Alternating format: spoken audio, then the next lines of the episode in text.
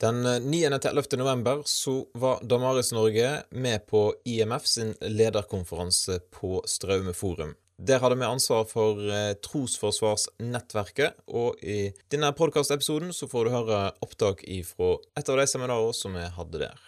Så skal vi ha en liten uh, Q&A-sak. For dere har jo sendt inn litt spørsmål på tekstmelding. Og så har jeg invitert med Bjørn opp her, sånn at han kan på en måte gripe inn hvis, hvis Espen svarer feil. eller et eller annet sånt. Avbryte noen. Yes. Et spørsmål som kom inn her, var om, om vi kristne sitter for stille i båten i den offentlige debatten og ordskiftet i disse verdispørsmålene. Burde flere kristne være mer offensive utad, både for å være tydelige, men òg for å være forbilde for andre kristne? Eller er det best å ikke yppe til strid? Hva sier du, Espen? Er du fornøyd med at det er deg de ringer til, eller syns du at det burde vært flere på banen?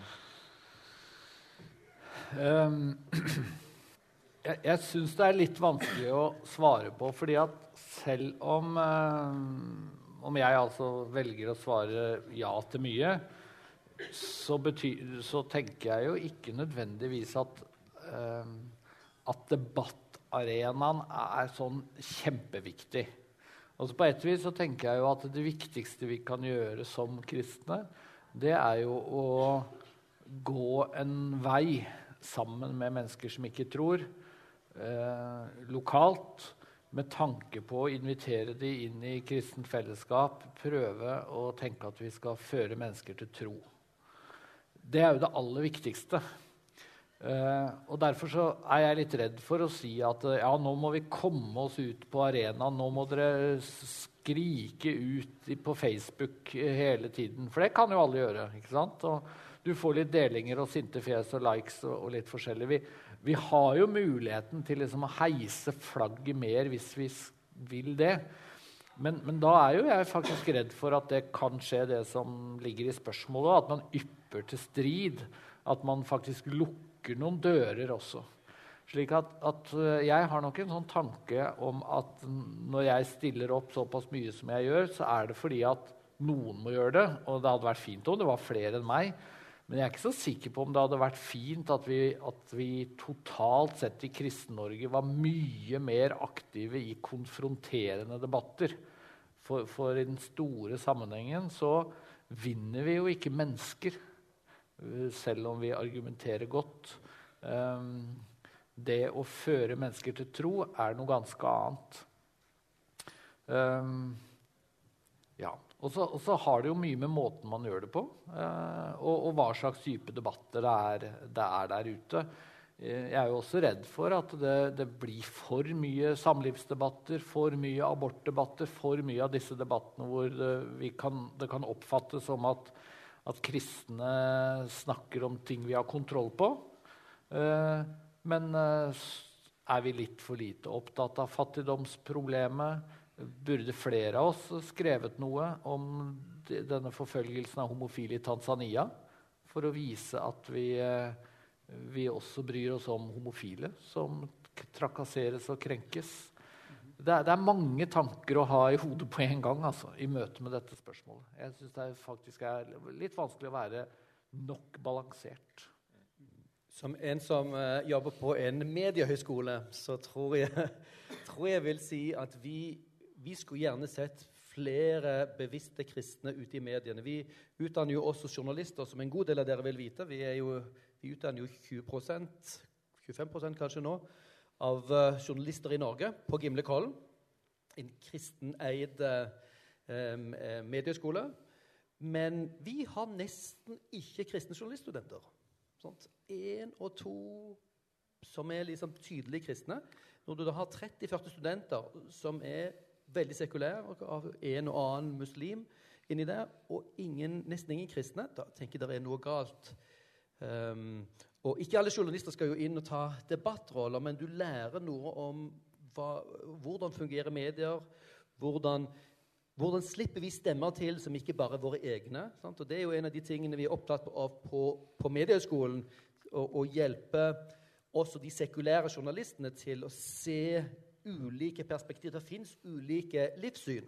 Og det er jo ikke det, det, sekulære perspektivet som er eneste sannheten. Så man Man lærer seg til å se verden gjennom ulike briller og da hente inn stemmer fra ulike perspektiver. Så, så jeg tenker både generelt sett burde flere engasjere seg konstruktivt. vel å merke. Dessverre så er det jo ofte mediene sånn at de fokuserer de som har den høyeste stemmen, de mest radikale, sant? og som ikke har særlig gode argumenter. Så jeg sier ikke at alle kristne burde opp og skrike i mediene. Ofte lite konstruktivt. Men vi trenger bevisste, gode mediepersoner på alle nivåer. Folk, som jobber, folk som er på Facebook og er tydelige kristne uten hele tiden å konfrontere, men kan være, sånn, gjøre tydelig sine synspunkter innimellom. Vi trenger journalister. Vi trenger sekulære og i kristne, i kristne dagspresse. Og vi trenger folk også inn i underholdningsmediene til å lage god underholdning som ikke bare har det sekulære perspektivet. Um, og vi trenger også flere sånn som Espen, som, som har tenkt gjennom ting, og som kan, kan, greie med en, en, en, god mine Ikke til slett spill, men en, en, god mine og en, god, sympatisk stemme også representere troende, um, troende, kristne. Så jeg vil oppfordre til større engasjement og be fram dette kallet til engasjement i mediene. Yes. Det tikker inn spørsmål, men jeg rekker jo selvfølgelig ikke alle. Men uh, vi skal ta uh, så godt vi kan. En fasit uh, etterlyst her nå, Espen, på et spørsmål. Bør man som kristen uansett takke nei dersom man blir bedt i et bryllup mellom to av samme kjønn? Hvis det er en nær relasjon. Hva gjør du da, Espen?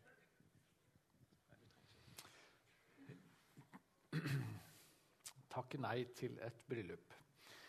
Altså, det er jo også et spørsmål som er vanskelig, for hva betyr det å takke ja? Altså Hvis man øh, mener at, er, at, homofilt samliv er galt, og det er galt øh, å, å, ha øh, si homofile brylluper, så tenker jeg jo at som kristen så er det viktig å signalisere det. Men jeg er ikke så sikker på at det nødvendigvis er den riktige måten å signalisere det og ikke gå. Altså Hvis min sønn skulle gifte seg homofilt, så Jeg kjenner en god kamerat som var i en sånn situasjon, og som, som valgte å ikke gå i kirken. Det syntes han rett og slett var for vanskelig. Å være med på et bryllup i en kirke hvor du fremsier trosbekjennelsen og reiser deg og setter deg og på en måte er en del av eh, bryllupsinngåelsen. Men han gikk på festen, for han ville vise at han respekterte sin sønn eller sin, uh, sin bror, eller hva det nå var, uh, og, og ville ville vise på en måte omsorg på et rent menneskelig plan. Så jeg syns hovedspørsmålet er eh, hvordan kan du vise hva du står for, uten å bli oppfatta som eh, vrang for, for, det å være vrang sin del. Da. Eh, og, og, da vil også nærheten i relasjonen ha betydning. Eh, nære familiemedlemmer så må man jo prøve å gå en ekstra mil for å ikke støte de fra seg. Takk skal du ha. Eh, så har vi fått et sånt spørsmål som eh, eh, går konkret på hva er synd i et kjæresteforhold? Med tanke på å sove sammen, er det bare samleie som er synd, eller f.eks. Eh, eh, alle typer sex synd? Oralsex, f.eks. Det er jo viktig at vi når vi skal veilede ungdommer, for eksempel, kan svare på sånne spørsmål. Mm. Ja, og Da er det jo viktig å først si at uh, du, du, finner jo ikke i Bibelen en slags uh, veldig tydelig definisjon av sex. Uh, likevel så tenker jeg at det står i 1. Korinterbrev 7,9 at hvis man brenner av begjær, så er det bedre å gifte seg, bedre å gifte seg enn å brenne av begjær. Og Det betyr jo at, at, Paulus ser ut til å tenke at løsningen for, for to, et kjærestepar da, som virkelig lengter og brenner etter hverandre, det kan jo ikke være oralsex. Eh, for det vil jo selvfølgelig løse det, i hvert fall det, det brennende begjæret sånn kortsiktig.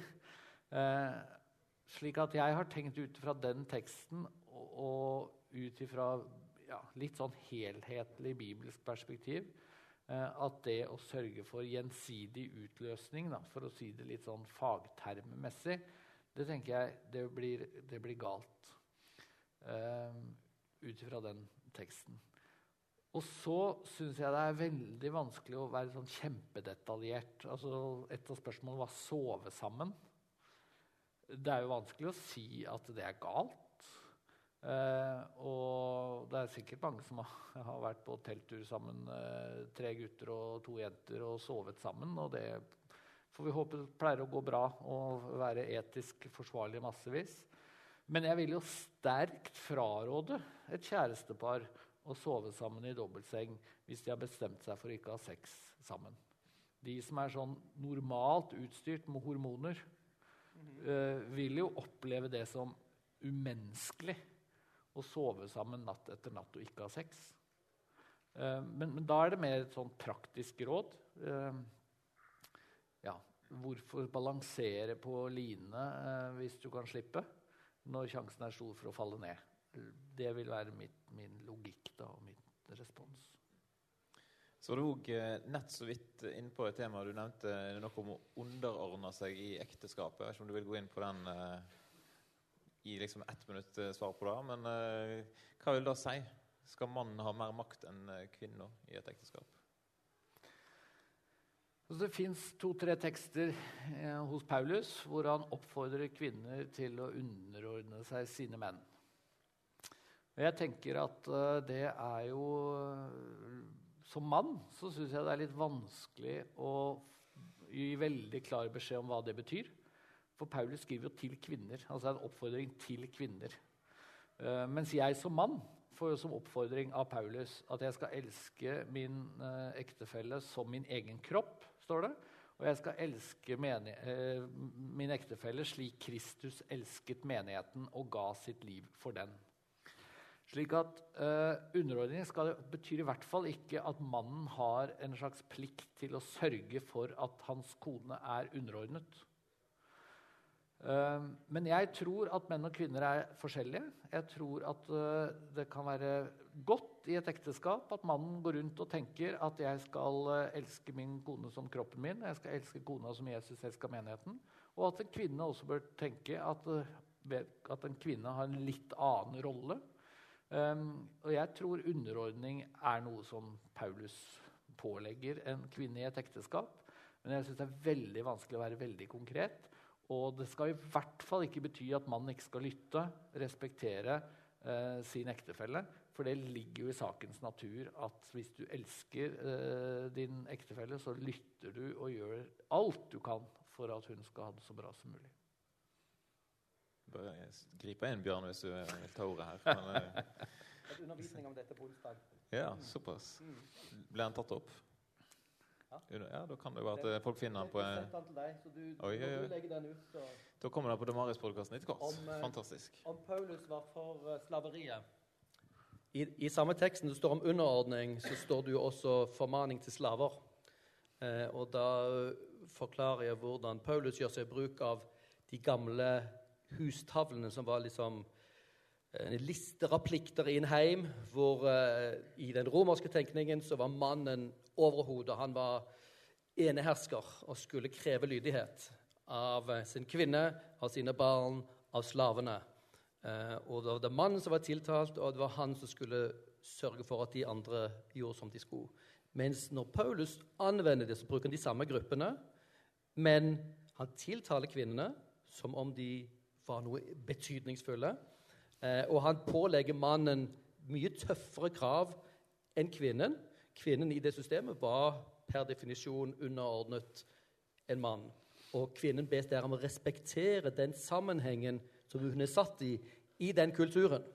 Um, og ikke bryte familien, ikke bryte ekteskapet, som ellers var kjempefristende, og som noen, noen uh, kvinner tydeligvis var i ferd med å gjøre i Efesus. Du ser det i Timoteus-brevene.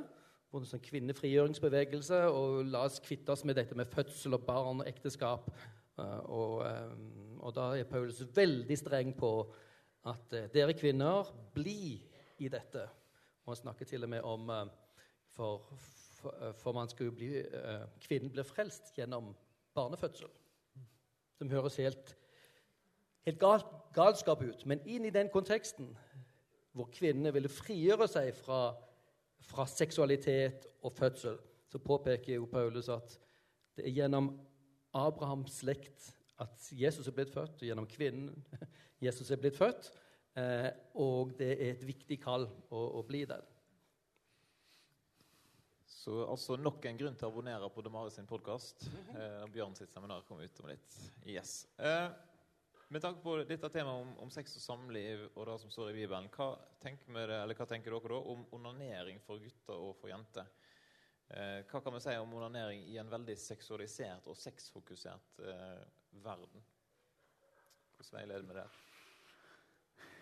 Ja, onanering Selve begrepet kommer jo fra Det gamle testamentet, fra Mosbøkene, fra Onan, som det står eh, eh, Giftet seg altså med sin brors enke. Det var en eh, vanlig måte å ordne familielivet sitt på den tiden. Og så ønsket han altså ikke at hun skulle bli gravid. Og sørget da for å ikke ha fullbyrdet samleie med henne for å hindre henne fra å bli gravid. Det har altså ingenting med den moderne formen for onanering å gjøre. hadde jeg nær sagt. Og Det betyr faktisk at det står ingenting i Bibelen om selve temaet. Det mest relevante bibelteksten det er jo Matteus 5, hvor det står at man skal ikke se på en kvinne eh, med begjær etter henne. Da begår man utroskap i sitt hjerte, som det står. Det er vel Matteus 5. Ehm, det står slik. Og jeg tenker at det er en advarsel imot pornografi. Det er en advarsel imot uh, det å, å, dyrke begjær eh, i møte med kvinner man ikke er gift med. Men eh, betyr det at det alltid er galt å uh, onanere, bli kjent med sin egen kropp. Det kan jo gjelde selvfølgelig både for kvinner og menn, selv om jeg ikke har en særlig stor autoritet på kvinners seksualitet, til tross for det jeg fortalte før pausen. Debatten, Debatten om unge kvinners sexvaner.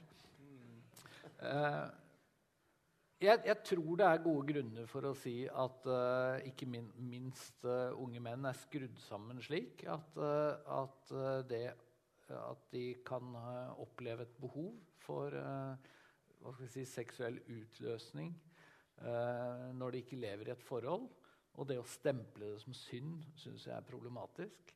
Eh, kan man klare å holde seg unna pornografi, så tror jeg man lever et godt kristent liv. Uten at man skal si at onani er synd.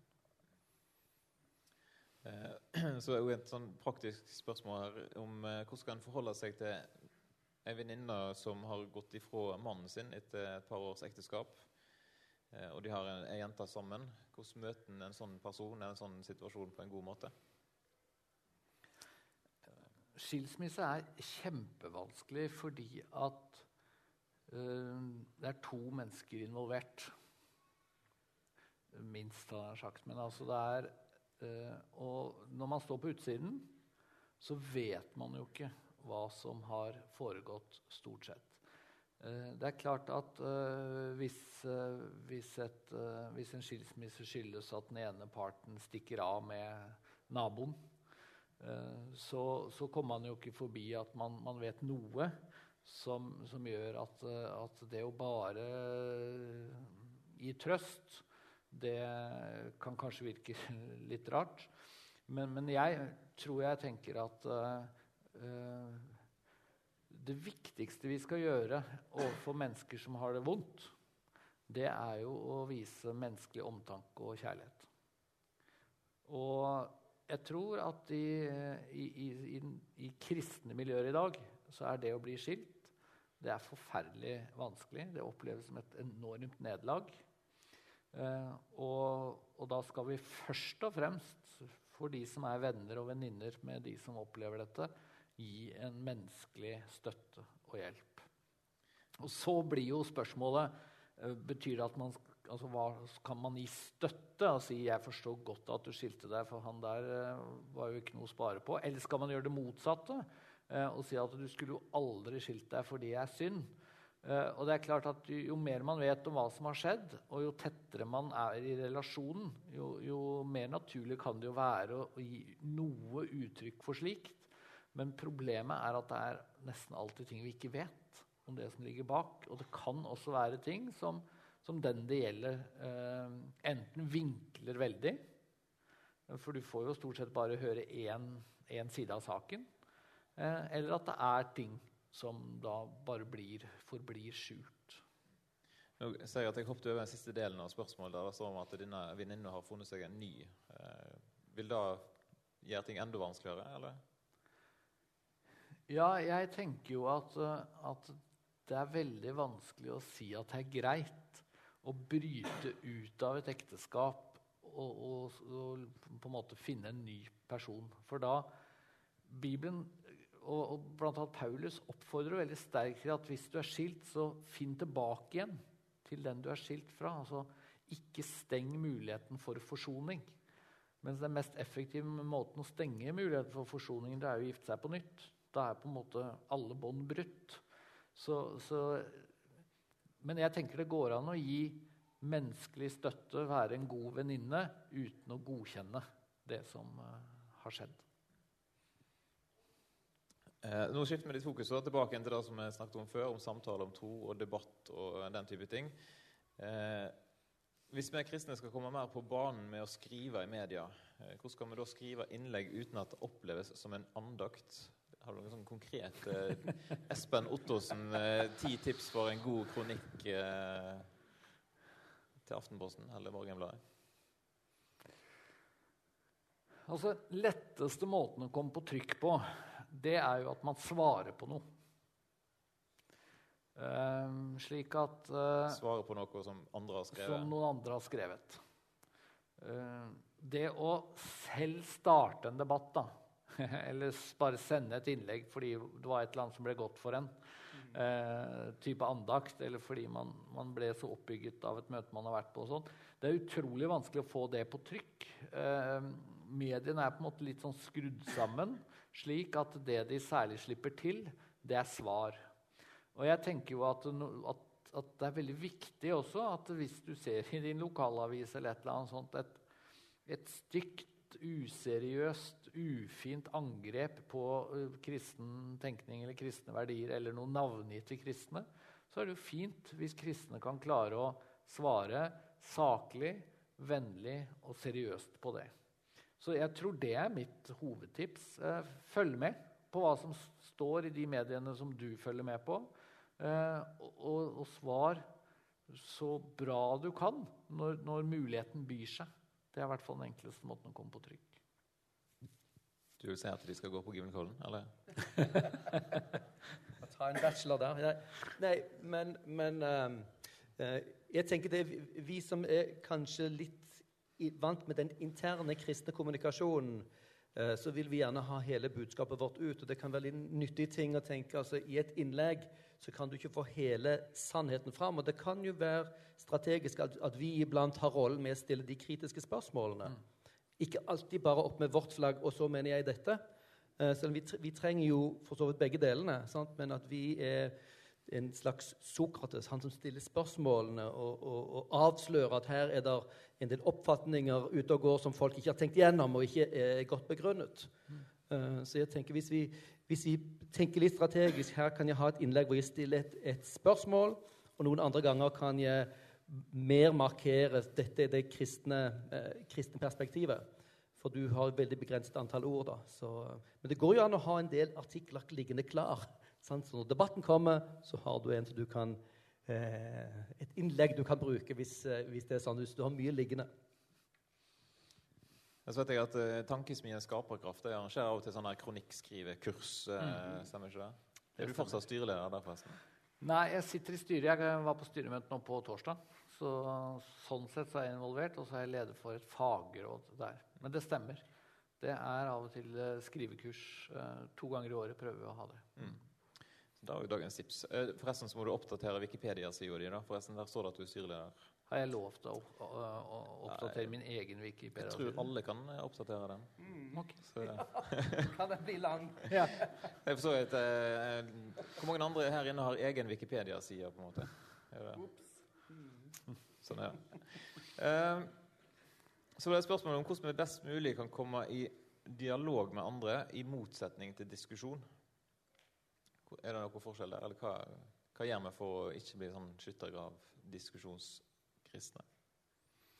Ja, kanskje Bjørn var inne på det med det han sa, at det å stille spørsmål og det å vise seg interessert og nysgjerrig i hva den andre part står for Og er det noe som mye politiske debatter virkelig mangler, så er det jo politikernes evne til å faktisk lytte til hva den andre part sier, og prøve å liksom respondere på det eller forstå det.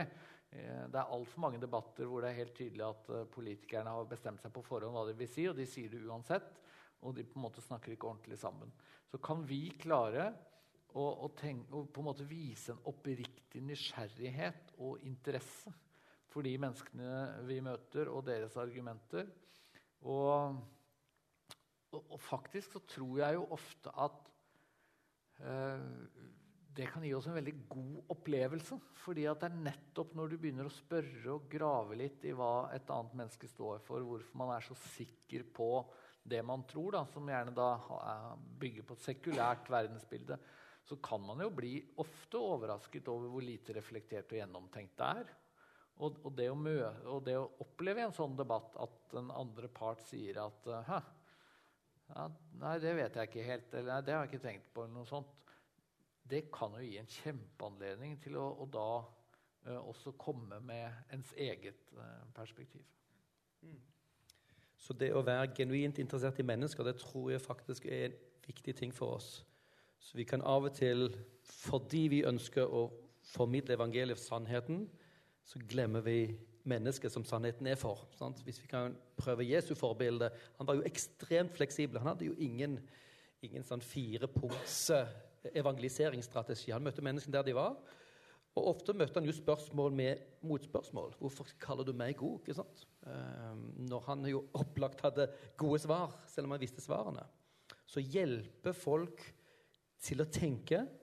Og da må vi selvfølgelig også prøve selv utfordre oss selv med å stille selv spørsmålene. Og så iblant kan vi, kan vi si også ja, ja, det har jeg ikke tenkt på når du får spørsmålet. Det, det er ikke noe å skjemmes over, men en ting vi eh, kanskje trenger å lære å slappe av med. Vi har ikke alle svarene, men det, det er noen ting vi faktisk tror vi har, som, som faktisk holder.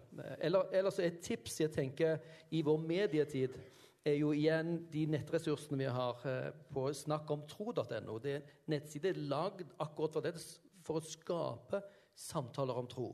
For folk sitter på mediene, de, de sitter og ser filmer og TV-serier, og de gråter og de ler og de forteller på jobb, og de, sant? de er engasjert i de tingene.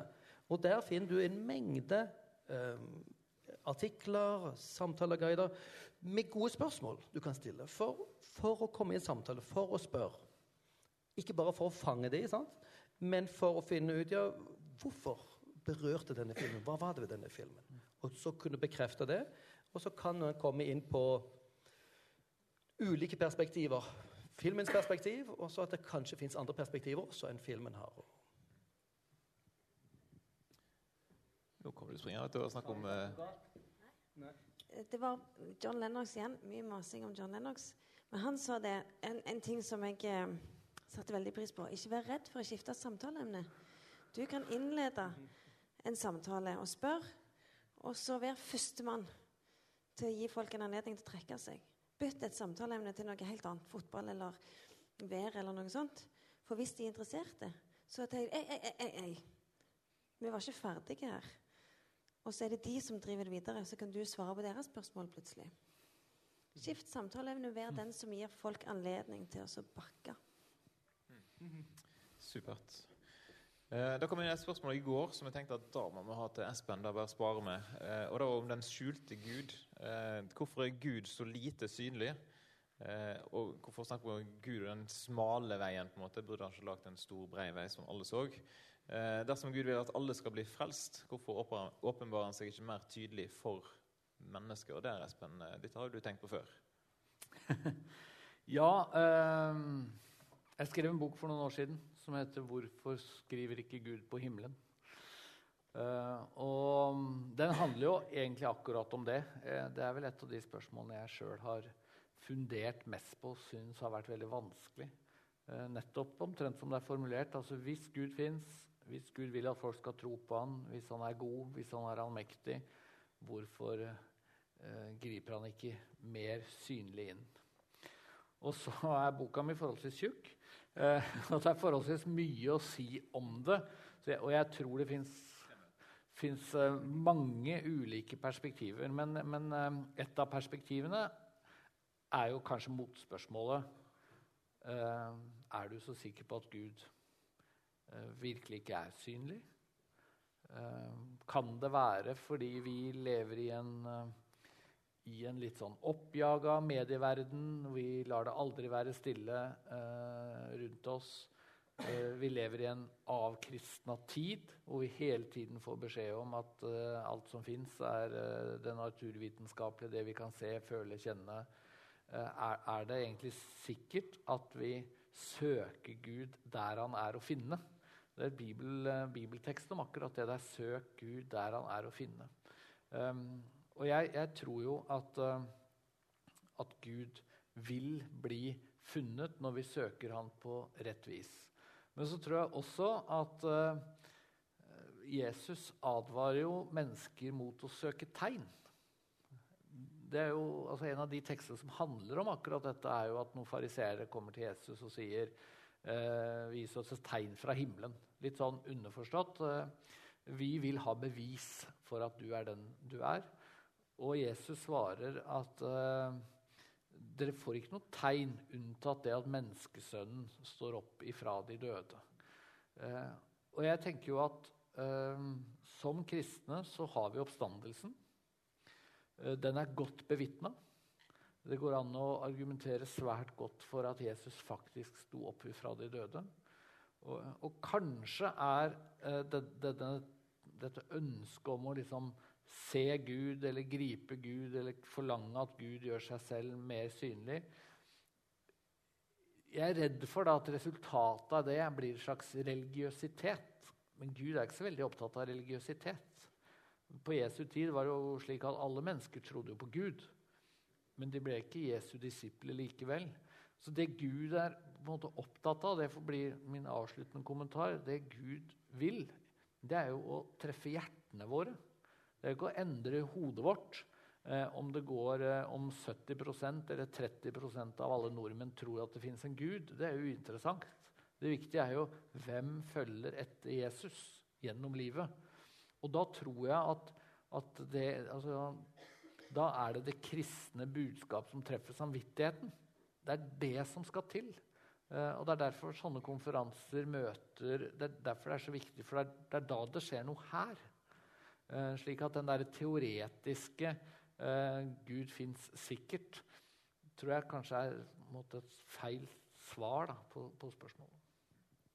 Skal du nevne at eh, hvis dere enten må kjøpe boka til Espen, eller så kan dere kjøpe ja. boka og se videoene som ligger på Preik-TV. Hvis du går på Preik-TV og søker på Espen Ottosen, så ligger det iallfall fem mener jeg, lagt til, som går gjennom tematikken i boka. Så det er jo dagens siste sånn her reklametips. Preik-TV der også.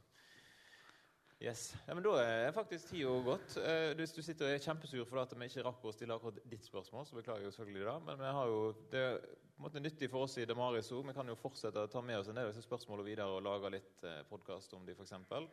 Pluss at Bjørn har en par timer i morgen. Klokka 9.30 begynner nettverket i morgen. For alle som er våkne.